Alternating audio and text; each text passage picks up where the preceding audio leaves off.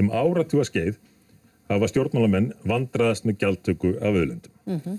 Þess að við leggjum til að dæminni sem snúið við, við byrjum á því að greiða almenningi og þá er komin þessi pressa á stjórnmálamenn. Mm. Það snýst allt um það að íta kerfinu. Það gerist ekki nema, nema þessi ítt í ákveðin átt. Íta kerfinu í það að klára gjaldtökuna. Og hún má ekki bara vera af sjáaröldvið. Hún er til dæmis af orkunni og sölu þessara aflátsbrífa til útlanda mm. sem er í rauninu bara sala á samilum aflið. Er eru til? Hvað, er það að sjá að það séu miklu peningar til í þessu? Þú nefnir uh, réttilega held ég 25 uh, miljardar, ég átlaði kannski 27 mm. uh, en, en helmingurna því skila sér strax aftur til ríkisins varlega áallad helmingurinn vegna þess að það mun einfallega því það fólk getur þá leift sér meira keift aðeins meira og, og ríkið fær alltaf sitt Þess að helmingurinn af 25 eh, miljardum er, er 12,5 miljardur. Og 12,5 miljardur í samhengi við all útgjöldin í COVID.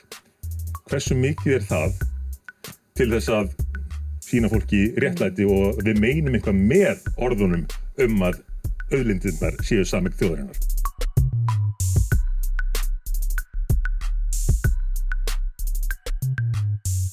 Eh, það eru gríðalegt tækifæri sem eru núna komin upp vegna þess að við erum í þessar ákjásalur stöðu að yfir 80% af okkar orku er endur nýjanlega orka vegna jarvarmans og vassorkunar. Við erum ekki enn byrjuð að nota til að mynda vindorkunum í mjög litlu mæli. Við erum með 2,5 megawatt af vindi á Íslandi eh, meðan að landa svo Danmörku er með 5.000 megawatt. Það er bara 40% starð og miklu þéttbíla land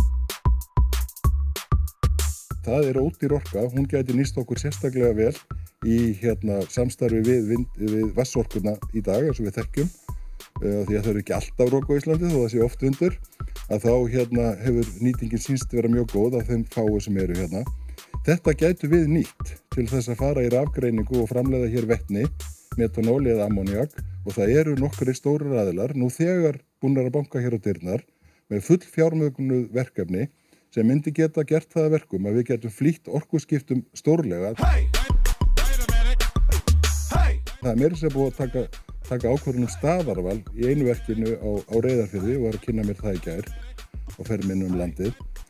Verkefni sem eru miljardar fjárfestingar, reyndar 1 miljardur evra, 170 miljardar bara þetta eina verkefni. Þau eru fleiri og þá getum við flýtt orkuskiptum á Íslandi á þungavinnuvélarnar, á skipin, á flugvélarnar en við getum líka farið með þetta í útflutning. Ég skal alveg gangast við því að ég held að sé komið tími til, það, til þess að sjálfstæðarflokkurinn eh, leggji meiri áherslu á félagslegu ráðunetin. Við erum að tala hérna bæði félagsmálaráðundu og heilbyrðisánundið.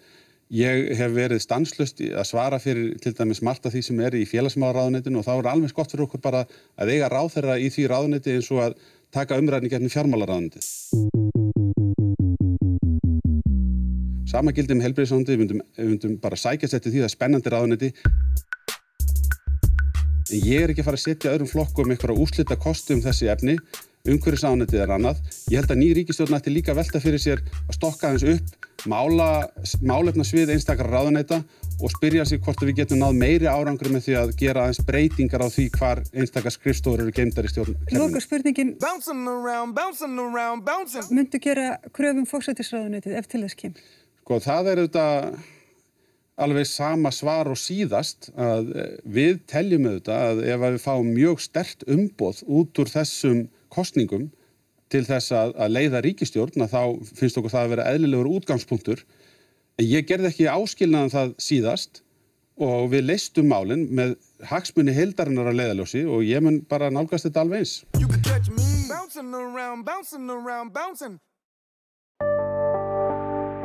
Þú ert að hlusta á hlaðvarp frá RÚF. RÚF okkar allra.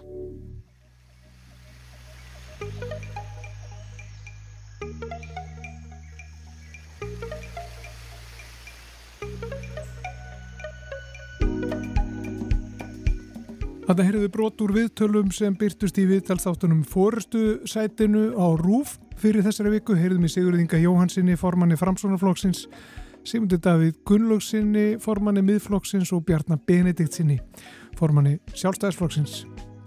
Þetta er X21, kostningarlaðar brúf, ég heiti Guðmundur Pálsson.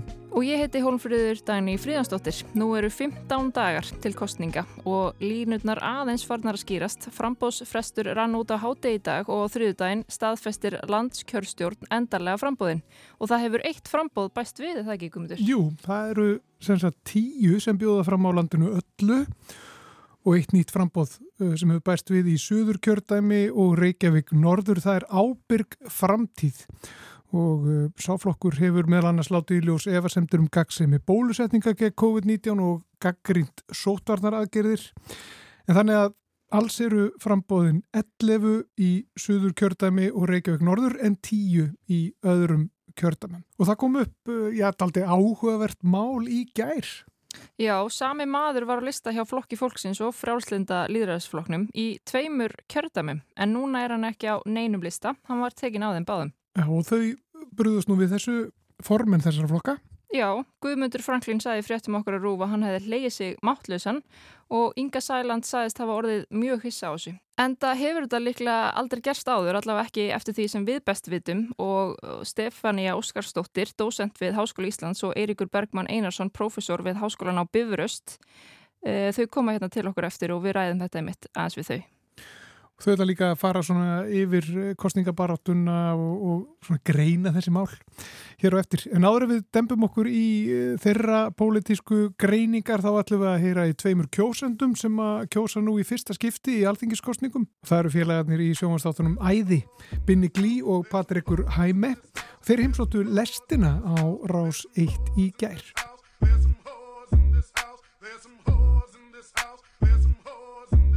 Þú ert svona low-key hægri patti, segir Ég held það. Þú heldur það. Fylgist þið með pólitík almennt? Ég geri það alveg smá sko. Ekki ég. Bara ekki neitt? Nei, ég veit ekki neitt. En ég fylgist alveg smá með mm -hmm. og ég held að ég sé búin að ákvæða hvernig ég ætla að kjósa í ár. Ok. Já, er það að fylgjast með kostningunum eitthvað? Já. Ég er eitthvað búin að fylgjast með smá núna. Mm -hmm.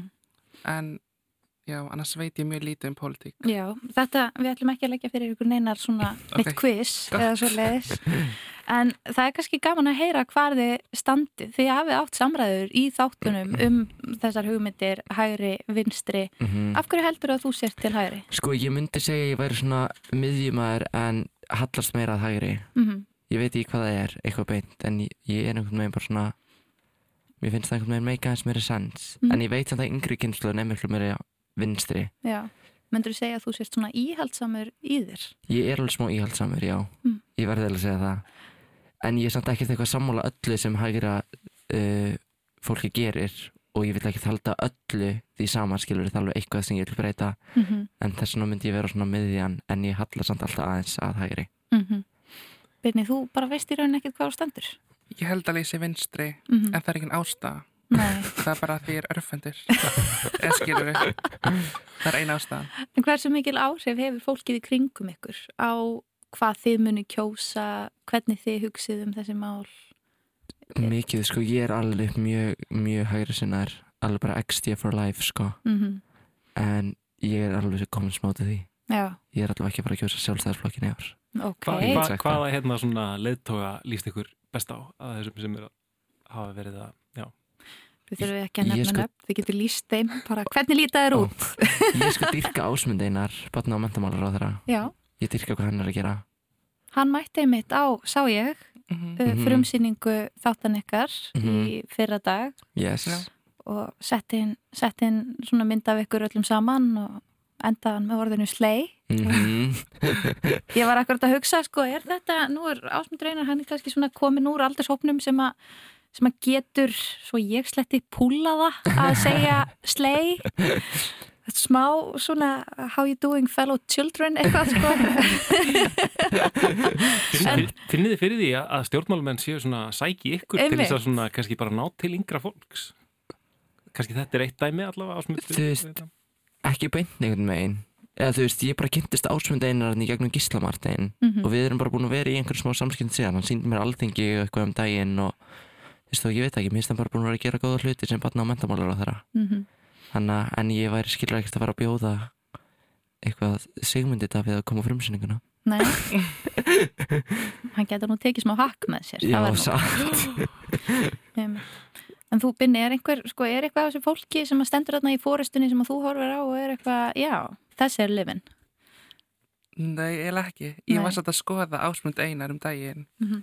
Og var að horfa stóri á Brynju Dan í gær og var að lýsa hvað hann hefur gert og ég var alveg svona, ok, ásmund einar er alveg living. En, En það annars- er einmitt, þú kynnist honum í gegnum Brynju Dan sem að er Já. álista hjá framsóknarflokkunum Mhm. og er áhrifavaldur. Mhm. Þannig að það eru kannski áhrifavaldarnir sem eru líklegistir til að hafa áhrif á ungu Það er það, kynsluðina. einmitt líka með viðreist hérna Marja Rut Mhm. hún er hérna hjá viðreist einmitt hún og kærastan hennar er alveg áhrifavaldur og svona og það, þú veist, ég hef líka alveg hugsað er ég að fara að kjósa viðreist Mhm. út í að því sem maður sér þar? Same. Þannig að þið horfið á þessar hluti, þið hafið ekki dottið inn á áhrifavalda hjá vinstir grænum, pýrutum, frjálslinda líðræðisflokknum, Nei, ekki eitthvað Ég ætlaði sko að taka hana quizið Já. sem var eitthvað, Ég hvað flokk já, ég bara skildi ekki neitt. Ég gati ekki haldið áfram að því ég skildi aldrei spurningarnar að ég gati ekki gert þetta Finnst þér það leiðinlegt? Er þetta eitthvað sem þið langar til þess að vita meira um eða er þér, kemur þetta þér kannski bara ekki við? sko, jú, mér langar alveg að vita meira um þetta en ég veit bara ekki kannski er ég bara latir Mm. en Nei, mér langar samt alveg að vita meira um þetta því mér langar alveg að vita hvað flokk ég vil kjósa af því að ég get kosið og líka fyrstskipti sem að ég mun það kjósa Mm -hmm. Er þetta fyrstu alþingiskostningarnar sem þið megi kjósa eða hvað? Hva, já, hvað eru ekki gamlir? 2017 senast Já. Já, Hvað eru þið Mhm. gamlir? ég er 21 Já, þetta tekja í gær Já, Til hamingju. hamingju. Þannig að þetta gæti verið svolítið stór stund fyrir ykkur. Mhm. og mér finnst það líka að skipta miklu máli að fólk noti kostninga þú veist, réttin sinn út í að það eru Mhm. mm. mörg lönd sem er ekki með hana rétt þannig að Mhm. mér finnst skilur þú skilur henni auðið að þú þurfir samt að fara að kjósa Mhm. bara upp á það Mm En gerir þú ráð fyrir að kjósa flokk, Binni, eða ætlar að skila auðu? Ég alveg gerir á fyrir því að ég muni kjósa einhver flokk Mhm. ég þarf bara að skoða þess meira Hver þá að vera? Já, Akkurat. Ég held líka að það myndi miklu fleiri að hafa áhuga og svo vilja kjósa þetta ef það er ekki ennþá verið að nota sig þú veist, gömlu og erfiðu orð og svona Mhm. eins og ef vera að gera skiluru Mhm. og þú veist, ég fylgist lítið með þessu og skil alveg flest samt en eins og fólk sem fylgist ekki neitt með og er svo einmitt að fara að reyna að taka eitthvað svona quiz og eitthvað, þau eru bara eitthvað, ég veit ekki neitt hvað við erum að tala um Mm -hmm. Og maður þarf eiginlega kannski bara að fylgjast með fréttum nánast Mhm. mjög, Mhm. mjög reglulega til þess að einhvern veginn vera inn í þessu. það er það nefnilega sko og það myndi gera það svo mikið léttara fyrir bara fólk að kjósa ef að þetta væri einhvern veginn bara svona aðeins á auðveldari orðunum og bara svona aðeins útskýrt betur held ég Let's have a kiki. I wanna have a kiki. Lock the doors. Let's have a kiki. Motherfucker. I'm gonna let you have it. Let's have a kiki. I wanna have a kiki. Dive, turn, work. Let's have a kiki. We are gonna serve. And work and turn. And hun hun honey. Þá sérst hér hjá okkur Stefania Óskarsdóttir sem er dósent í stjórnmálafræði við Háskóli Íslands og á línunni, ef við getum sagt eins og er Eirikur Bergman Einarsson professor í stjórnmálafræði við Háskólan á Bifröst uh, stattur í Slóviníu. Já, það kunne rétt vera. Já, verður að sinna sinna pólitíkinni þar, eitthvað? Nei, hér er ég nú bara sinna fræðistörfum. Já, Fyrsta alþjóðlega fræðirástefnan sem ég hef sótt í eitt og hálft ár. já. Það er svona losnum það eins og annað. Fólk, Já, svona hálfa leið skulu, skulu við kannski segja. Svona, það er, fer hægt af stað en þó byrjað að, að, að opnast fyrir svona fjölþjóðlega viðbyrði. mm Ef ekki bara dempa okkur í við- okkur langaði að ræða við ykkur um uh, kostningabaratuna og, og svona horfurnar og hvernig þessi kostningabarata fyrir stað og hvað eru stödd núna þegar það eru sko tvær vikur í, í kostningar. Uh, Stefania, hvað, hvað segir þú um, ef ekki bara að byrja þetta svona opið, bara Jú, um, um svona í pólitíska landslag núna þegar það eru tvær vikur í kostningar? Já, við erum að koma út úr kjörtjumabili sem engendist að mjög miklum pólitískur stöðuleika sem að var ólíkt því sem að við höfum átt að venjast frá 2008, frá fjármálarhrunni og uh, stjórnaranstaðan á tímabilinu var til dæla sunduleit að því leitinu til að oft áður hafði hún annarkvört verið kannski hæri, hæri blokk eða, eða vinstri blokk en núna voru þetta alls konar eins og við vitið, píratar, viðreist, miðflokkurinn flokkufólksins þannig að kjósundur voru kannski ekki með skýran valkost anspannins ríkistjórni sem að naut stuðnings meðlita kjósunda allt kjörtumabili sem er líka óvinnilegt. En hvað er við stöðt í kostningabarættunni? Jú, tvær vikur eins og þú segir eh, eftir að henni hún hefur farið á staða miklum krafti og flokkunum hvað var þar svona kynna sig fyrir kjósundum en þá alveg sérstaklega í fjölmjölum og mér finnst ábrendi hvað við sjáum mikið að stjórnmálamönnum í fjölmjölum ljósvöka fjölmjölum sérstaklega hérna, stöðvarnar hafa verið duglegar að kalla til sín stjórnmálamenn og það er líka annað sem vekur aðtökli mína og það er það að hagsmunarsamtöku að ymsum stærðum og gerðum, þær hafa verið alltaf ábyrjandi í kostningabaratinu. Þau séu líka að reyka kostningabaratu. Þau hafa verið með auglýsingar og málþing og ímisleitt annað til þess að vekja aðtökli á sínum stefnumáli. Er þetta tilfellið, Erikur? Er, eru hagsmunaöflina í auknum mæli að skipta sér að politíkinni? Já, hagsmunaöfl skipta sér auðvitað alltaf af eh, stjórnmálum og það eru auðvitað uh, sumuleiti þeirra hlutverk að hafa uh, áhrif á, þjóðfélagið og þegar að kemur að kostningum þá er það auðvitað tíminn til þess en við höfum séð það kannski líka svona félagasamtök, ekki síður heldur en hagsmunasamtök hafa verið að, að svona hviða sér hljóðs eins og um, umhverfisvendarsamtök og og þess áttar sem er að koma svolítið inn í, inn í þessa kostningabaróttu. En annars finnst mér þessi kostningabarótta nú einkennast sko af þeirri breytingu sem við erum bara að sjá á flokkakerfinu sem slíku. Sósérlistaflokkurinn siglir þarna upp og hefur tekið sér töluvert mikið plás og það, þessi breyting sem við höfum verið að horfa upp á á flokkakerfinu undanfarið ár er svona að ganga lengra. Við erum að sjá nýju flokka hugsanlega inni á þingi.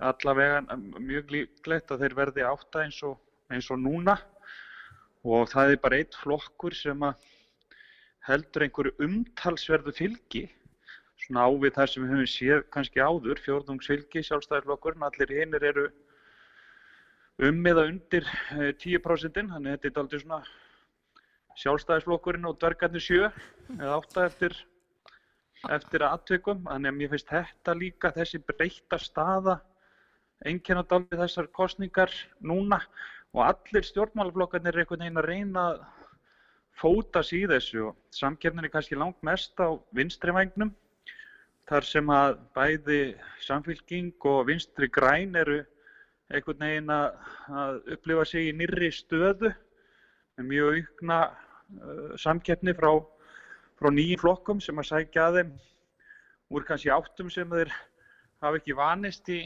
í langan tíma. Þannig að það er ímislegt svona í gangi sem gera það verkum að það kannski er aldrei flóknar að drepa fingrinum akkurat á það hvað þessar kostningar snúast um. Já, mér langar að bæta við varandi þetta með uppbrott flokkakerfisins og þennan mikla fjölda flokka að hann skýrist auðvitað því að að fólk á erfiðra með að samsama sig við flokka í nútímanum og þetta er ekki bara íslensk þróun, heldur þróun og alþjóðavísu þannig að, að það eigur sveirumið fyrir nýja flokka af því það er eftir einhverja sækjast í kostningum eða væri þannig að tríð kjósenda væri mjög mikil við sína flokka eins og var hérna lengi vel á 20. stöldinni að þá eru frambóð nýra flokka til dula döðadæmt en í nútímanum er fólk opið fyrir tilbóðum og, og, og hlustar svolítið eftir þeim og, og metur líka kostina út frá einstaklingunum sem eru í frontinum fyrir frambóðin Þannig að við höfum séð frekar mikla svona fylgisveiblur í, í, í kostningum þar sem að nýjir flokkar er til dæmis að uppskýra ágætlega vel. Það er, an, það er svona annur an, an, hlið á þessu sem er svo að ef að tríð fólks er lítil við flokka og þá sérstaklega kannski með ungs fólks þá kemur það líka kannski fram í minni áhuga á þáttöku. Sérstaklega að fólk skinjar eða finnst að það sé kannski ekki svo mikill raunverulegu munur á milli flokkana og að kostningarna skipt ekki svo óbúrslega miklu máli að því að á endan verða allir þessi flokkar einhvern veginn að vinna saman það sem kemur upp úr upp úr því öllu saman er, er einhvers konar málamiðlanir sem kannski enginn kannar svo við. Er það kannski það sem við erum að sjá í þessum nýju skoðanakönnunum? Uh, Maskinukönnun var mjög áhugaverð sem var gerð fyrir vísi á þriðudaginn. Þar eru fimm flokkar að nýju jafnir. Hvað þýr þetta? Eru allir þessir fimm flokkar að keppast um sömu kjósendurna einhvern veginn? Já, það eru miklu fleiri flokkar núna sem er að keppast um atkvæðin, en þeir eru auðvitað eðli málsins samkvæmt margir hverjir nær hver öðrum og eru margir að berjast svona um á svipuðum slóðum ef að svo má segja. Ég hef svona uh, haft aldrei augun á um, svona tilfæslunni að meðli sósélistaflokks og flokks fólksins. Það má svona halda því fram með ákveðinu rökum að það sé svona tröðurla pláss fyrir báða þessa flokka um, inn á þingi með við aðstæðir núna þó að séu þetta ekkert útlokkað að, að þeir nái báðir inn. En svo er þarna gangvegir líka yfir til uh, miðflokks, jafnvel til pírata. Uh, það er alltaf tölverð eftirspurn eftir svona einhverjum áskorendaflokkum og það, það skiptir kannski ekki alltaf alveg nákvæmlega öllu máli hvar þeir eru stattir á þessu hefðbundna pólitíska litrófi. Því að stundum er það bara áskorunin sem slík sem, er, sem að dregur uh, kjósundur að sér og þess vegna geta verið gangvegir á milli slíkra flokka þó þeir séu ekki að tala fyrir nákvæmlega uh, sömum málunum. Og það er alveg rétt sem að Stefania nefndi hér áður að þetta er alþjóðleg þróun sem er eiga sér staðan uh, allstaðar að uh, svona tryggð við stjórnmálaflokka, flokkshollustan sem slík er uh, verulega undanhaldi. Eina tíð var þetta nú bara þannig að, að sko, flokkurinn sem að, maður aðhyldist var partur af sjálfsmyndmanns bara eins og ídróttafélag eða, eða eh, sem sé eh, upprunni eða þjóðverðni eða eitthvað, eitthvað þess aftar sem að uh, gerði það verkum að, að þetta varð svo fast í einhvern veginn sinninu sko, hvar maður stóð en þetta er alltaf brotna upp núna og við erum kannski að fá loksins þar sem við getum kallað eiginlegan kjósendamarkað þar sem við sjáum virkan markað stjórnmálaflokka sem að keppast um atkvæðin og að kjósendur raunverulega eru tilbúinni til þess að leggja það niður fyrir sig að velja á milli þessara flokka en gangi ekki bara í sína rétt eins og þeir hefðu gert áður og voru jafnvel bara fættir inn í eða vegna aðstæðina uh, tilherðu og þetta breytir allri pólitíkinni, býr til verið sveiflur. Og kannski líka bara gera það verkum að, að sko um sumt fá við bara hilbriðar ástand allavega að einhverju leiti.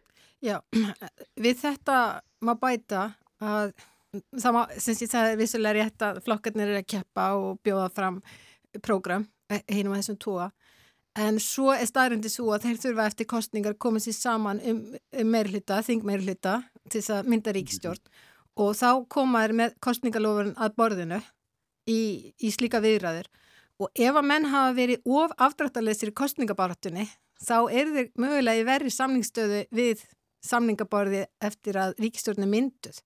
Þess vegna eru kannski þeir sem eru reyndari í pólitíkinni hérna, meðvitar en það að það er betra að vera tiltula óljós í kostningalúvorðunum til þess að geta svo komist að einhverju hérna, niðurstöðu eftir kostningar. Ef maður segir of mikið fyrir kostningar þá er maður mögulega að útiloka sig frá samningaborðinu eftir kostningar. Ég, ég nefni til dæmis e, pírata sem að hafa sagt, allavega hef ég heyrt Halldóru Móensen Eh, segja að það kom ekki til greina að pýrata sér ríkistjórn nema að draugstjórnlaðaráðs verði afgreitt í yngri mynd á, á næsta kjörtumabili. Ég hef líka heyrt Katrinu Jakobsdóttir segja að sér finnist draugstjórnlaðaráðs ekki, ekki til þess fallin að þau ætti að vera grunnur að nýri stjórnarskrá og þetta þurfa að taka lengri tíma. Þannig strax komið mál sem að geti reynst erfitt á eftir kostningar. Um, samfélkingi segist alltaf leggja stórugna skatta á eignir yfir 200 miljónir aðrir flokkar margi hverjir þeim hugnast þetta ekki meðal annars viðreist hugnast þetta ekki. E, svona getur við haldið áfram að tala þetta á sérstaklega, þetta á sérstaklega við um stjórnar anstöðu flokkana sem eru skilikar í að koma með lofvorð sem þeir séast alltaf efna eftir kostningar en uh, stjórnarflokkarnir núna, þeir, þeirra áherslur er meira á stöðuleika, tröst, uh, tröst efnagstjórn og það er rauninni, þannig sé ekki svo ekki mikill munur á áherslum sjálfstæðisflokks, fransnaflokks og VFG í þessari kostningabartu enda liggja línutnar þannig að þau myndu líklegast halda áfram ef þau fengið þingstyrk til þess. En mm, þá þarf við þetta að kjósa þess að flokka.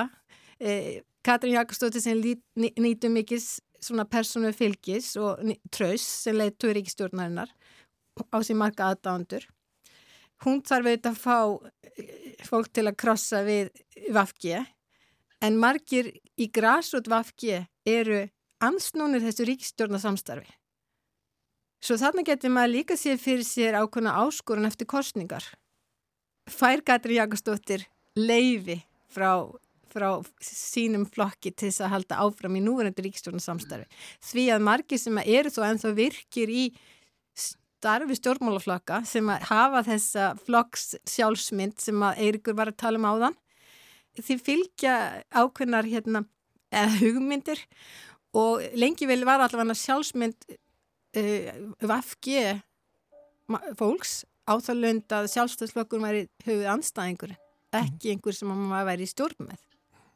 Þannig að það er íms að higgja þannig að við, við kjósundur stöndum fram með fyrir valkostum en við erum í opbúrslega mikill að óvissu um hvað okkar valkostur mun svo fela í sér eftir kostningar Eirikur, nú heyrum við að, að það er sláð hérna kirkjuklukkur í, í bakrinu eh, sem að, sem að hérna, já, minnur okkur kannski á, á aðra klukku sem er í þinginu. Hvernig, hvernig sjáum við fyrir okkur uh, að fólki minni ganga að starfa saman ef að nýðustöðna verða svona í áttina að þessum, þessum könnunum sem að hólfrið var að nefna hérna á þar sem að bara sjálfstæðarflokkurinn er langt stærstur og svo koma bara fimm flokkar í röð sem eru allir með jafnmarka þingmenn? Já Já, sko, eftir því sem að flokkum fjölgar, þeim eru þetta flokknari er, uh, sko, eru samningavirðarnar um nýja stjórn uh, eftir þær. Það liggur bara beint við. En sko, það er ekki eins og þetta sé eitthvað svona óvanalegt í henni veröld að það séu margir flokkar á, á þingum í löndum sem hafa áþægt kostningakerfi eins og við höfum er þetta nú bara mjög víða raunin eins og til að mynda í Danmörku þar sem að þetta er að, að jafnaði átta til uh, nýju flokkar og, og annar staðar á Norrlöndunum og, og víðar hér þetta bara uh, mjög algengt en uh, sko munurinn kannski þó sá að víðast annar staðar að þá skiptast menn samt upp í einhvers konar blokkir, hægri og, og vinstri blokk og það hefur í rauninni ekki gerst á Íslandi. Á Íslandi eh, er þessi hefð að ganga óbundin til uh, kostninga en mér finnst nú flestir flokkana að vera frekar varfærnir í þessum efnum en hafa að ég held sko lært aðeins af kostningunum 2016 þar sem að sko einhvers konar allserjar útilokunar keppni á milli flokka fór fram í aðdraganda kostninga þar sem að hver flokkurinn og fættur öðrum útilokaði einhverju aðra. Gerði það verkum að það var nánast, nánast ómögulegt að, að mynda ríkistjórn í, í kjölfarið. Og það hefur reynst að undanfjörnu bara nokkuð erfitt að koma saman ríkistjórnum á Íslandi. Það er töluvert síðan að við höfðum það ástand að eh, niðurstaðan væri óyggjandi. Þannig að það má gera ráð fyrir því að það fari að stað eh, einhvers konar samtali en auðvitað snýst þetta alls saman um hvort að ríkistjótin haldi um velli og hvort hún haldi þá velli með einhverjum starf hæfu meir hluta eða hvort að meir hluti sé það tæpur að það sé uh, svona uh, torvelt að, að halda samstarfinu áfram en þetta eru auðvitað mjög óvanalega samsett ríkistjórnum með flokk á svona öndverðum enda, eh, svona eins hefbundna skala, hægri vinstri í náðismálum í það minnsta. Og í slíkri ríkistjórn er alltaf tölvert af málum sem að flokkarnir ná einfallega ekki saman um og þau sitja þá bara mæta afgangi og sitja á hakanum og Sum slíkra mála getur orðið aðkallandi og við erum kannski að sjá eitt slíkt að heilbreyðismálinn er að koma upp, kannski bara vegna faraldusins, eh, þá eru heilbreyðismálun að koma upp sem kannski helsti átstættingasteitnin í þessum kostningum og þá eru hinnir öndverðu pólar eiginlega vinstri grænir og, og sjálfstæðisflokkur. Því að vinstri grænir vilja uh, sko veg eins og ombera heilbreyðiskerfi sem mestan og auka sko almanna fjö inn í það og, og halda enga rekstri sem mest úti. Á meðan að sjálfstæðisflokkurinn vil uh, styrkja hefur ofnbæra heilbriðskerfi með því að bæta við miklu meiri enga rekstri og þetta hefur verið byrbinnflokkana og, og vegna þess hvað gjáin er mikil á millið þeirra þá hefur lítið verið kannski svona aðgert í aðeins orðið að þér, Eiríkur? Bara rétt að þess að, rétt að klára það. Varandi þennan punkt? Já. Já, ok. Nei, þarna, við höfum yfir verið svona stjórnmála áhuga menn að, að tala um þessa anstæði póla e, þar að segja afstöðu sjálfstæðisflokks og vafki í hérna, heilbríðismálum, hvað var það engar ekstur.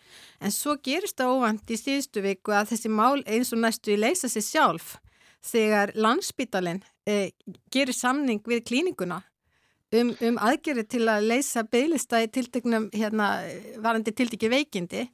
Og það kemur á daginn samkvæmt uh, frettum að í heilbríðslögum sé heimild fyrir landsbytala að kaupa aðgerðir af engaðilum og Svandi Svaðstótti sem er hérna náttúrulega heilbríðsráð þeirra á fórstum af Vafki segist vera mjög sátt við þessa við, við þetta og þetta sé allt mjög, mjög eðlilegt. Og þar leðandir eins og þetta stóra mál sem að til dæmis við reysn alltaf að fara að gera út á allt í í rauninni gufar upp og við sjáum síðan að framsókn verist verið með tiltöla svipar áherslur og, og sjálfstafslokkur og viðreysni í þessum málum. Og, og nú til viðbútar getur þá sagt vafki í ljósi eh, laga, helbriðslaga sem leifa eh, landsbytalanum að kaupa alla þeirra aðgerir að enga sem að það þá sjálf kýs og Svandis verist er að sátt við að þessi landsbytalan sem kaupið þess að þjónustu frekar heldur en sjúkratryggingar Íslands þar sem að menn hafa verið mjög mikið á bransinni Það vakti líka sko, aðtökli. Nú ætla ég kannski ekki að gera tólkan, hérna gerast einhvers konar talsmaður einhverja stjórnmálflokka bara uh, langt í frá, en tristi mér nú ekki, ekki til þess, en ég held að þetta sé nú ekki alveg svona. Þetta mál um, sem Stefania nefnir réttilega sko, er svona neyðarmál sem að kemur upp og sem verður til þess að, að rauninni vinstri grænir neyðast þess að víkja frá stefnu sinni en ég held ekki að þeir hafi breytt um stefnu. Það, ég hef hverki séð það frá þeim að þeir líti svo á að þetta sé framtíðalösni og öðrum þáttum uh, heilbreyðist þjónustunum held ég þvert á móti held ég að margir þeirra líti svo á að, að, að þarna sé sko að þetta sé mál sem að þurfa að breyðast við með þessum hætti en að kerfið eigi sem mest að vera um, í ofinberum rekstri. Ég held ég skilji stefnu vinstri græna áfram þannig en það gerist ekki slík breyting með svo snöggum hætti um, örskömmu fyrir kostningar held ég. Þannig ég er nú svolítið hrættur um að þessi ástætingasteyn sé ennþá þarna uh, til staðar. Það vakti líka aðtegli í fórstusætinu þegar að Bjarni Bindisson, formar sjálfstæðsflokksins, mætti þar að hún, hann sagði að tala um hann og þætti hilbriðsraðunetið, spennandi raðunetti og þau myndi mögulega sækist eftir því. Er þetta mhm. innlegi viðræðunar? Er hann að búa sér til einhvers konar samningsstöðu gegn Vafgi með þessum orðum? Já, ég veit það nú kannski ekki alveg en þetta, svona, en þetta sýnir auðvitað það að hilbriðismálin verða kannski svona stæðsta uh, úrvinnslu efnið á næsta uh, kjörtímabili og átökin um það, ég held að þau munu ekki minga heldur jafnvel harna. Þetta er sá málflokkur sem að fær mest fjármagn á okkar, okkar skattfíð, mm -hmm. ég held að það séu 9% af, af út, óburum útgjöldu sem fari í þennan málflokk, kannski meira, en, en um, þetta eru flokkar að búa sér til stöðu og þeir, þeir, þeir tella sér í sterkari stöðu eftir því sem að fylgið er meira eftir því sem koma inn með fleiri þingmenn. Og, og hérna það gagnast líka í viðræðum um hverju að verða fórsetisráþura eh, nú heyrist eh, svolítið að, að framsókn hefur áhuga fyrir því eh, ennbætti og, og Lili Alfreds hefur sagt að Sigur Ingi sé dauðafæri að verða fórsetisráþura og hann segist vera tilbúin í það ennbætti, menn kom og gera ídrustu kröfur í, í, í, í ljósi þess að þessi með svo góðan stuðning og baku sig. En þá vil ég samt líka minna á það að oft er það þannig að sá sem er minnstur í svona samstarfi, hann er kannski sá sem er mestu völdin, sem er líkillin að allt gangi upp. Þeir minnstu, jável allra minnstu í ríkistjórnarsamstarfi, ráða kannski mestu. Og við sjáum þetta við en lönd til að mynda Ísrael, það sem hefur þurft mjög marga flokka til að halda sama ríkistjórn. Það eru kannski þeir sem eru öfgafylstir, sem ráða mestu. Eh, þessi minnstu öfgafylsti. Þú erum kannski skoðað þetta svolítið, Eirikur, eða ekki? Hvernig svona litir flokkar sem eru kannski á jæðrinu jafnvel ná miklum ítökum?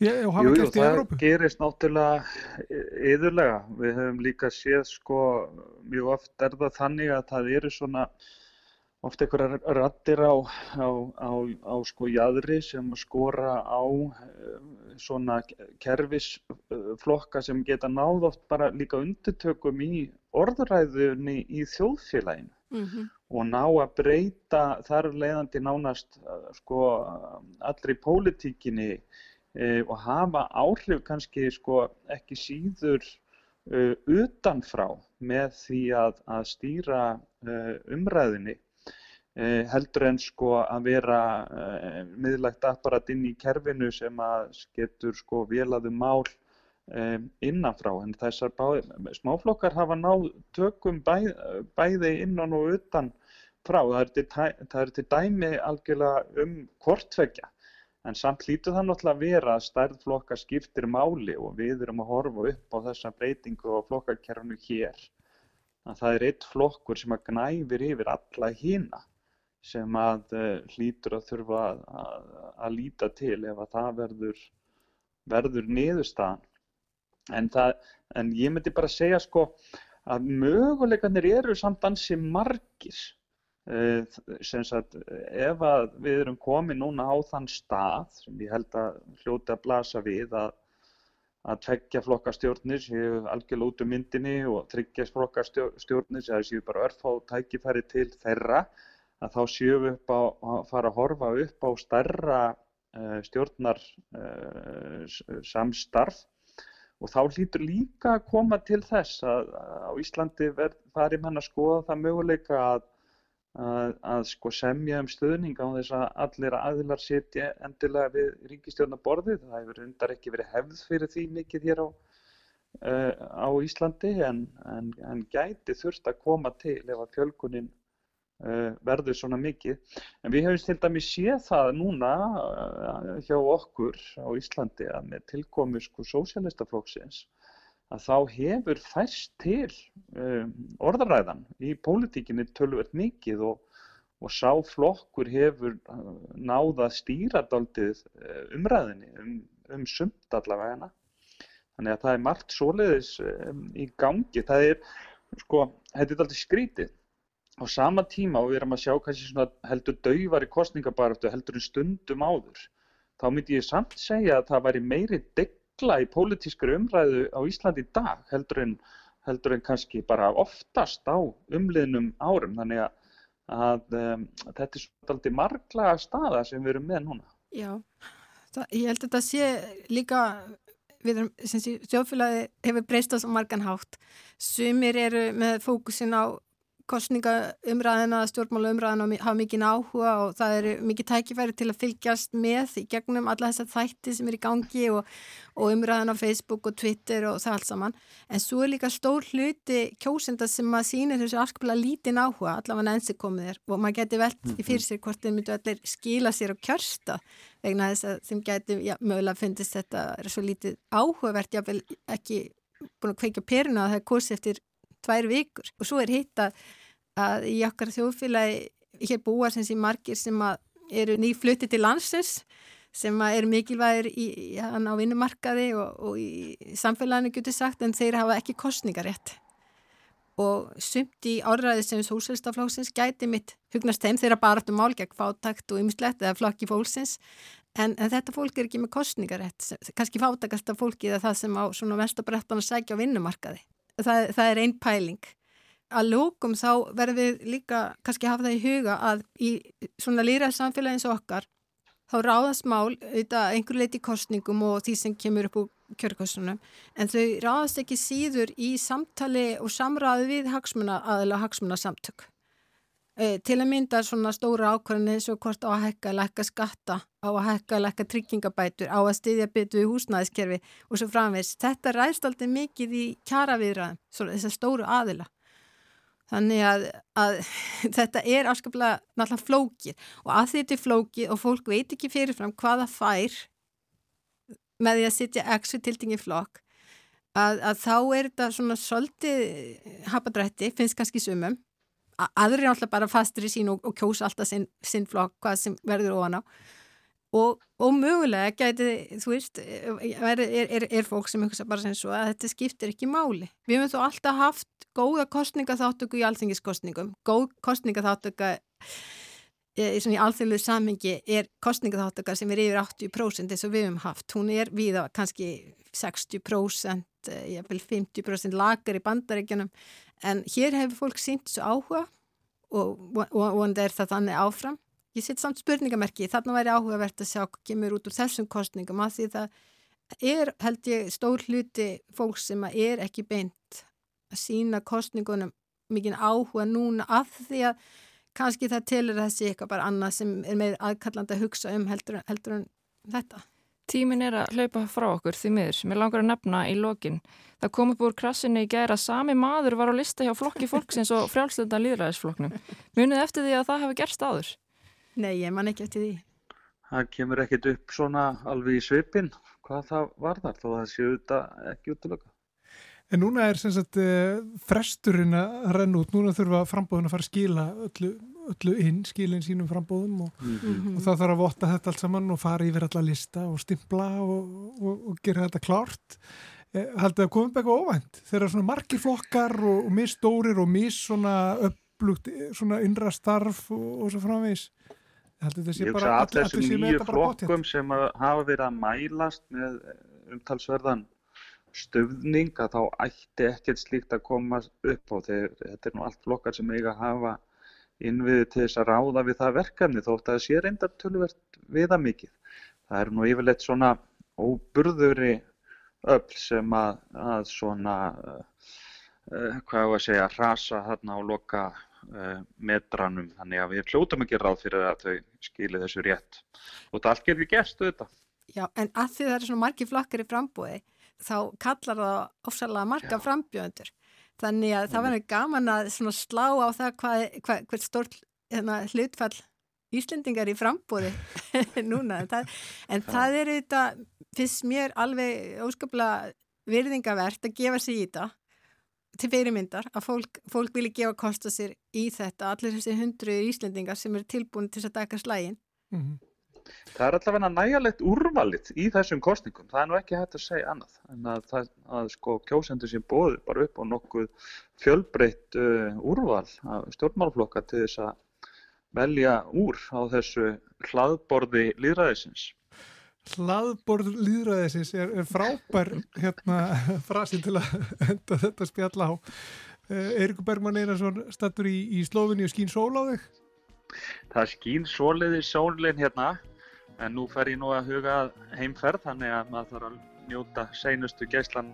Já, en við kvartum ekki hér, Stefania? Nei, nei, indislegu regningasuddi, lokn og, og blíða. Já, en takk fyrir komuna, Stefania Óskarstóttur og takk fyrir spjallið, Eirikur Bergman, bestu kveður. Takk sem leiðis. Þá komst ekki lengra með kostningarhlaðvarp Rúf X21 af þessu sinni en við erum hér að sjálfsögðu aftur á morgun. Ég heiti Gundur Pálsson. Og ég heiti Hólmfríður Dagni Fríðansdóttir. Á morgun ætlum við að halda áfram að tala við nýja frambjöðundur og á morgun er það fulltrúi frá sjálfstæðisfloknum Guðrún Hafstinsdóttir, oddviti í Suður kjördami. Við heyrjumst þá. Takk fyrir að hlusta.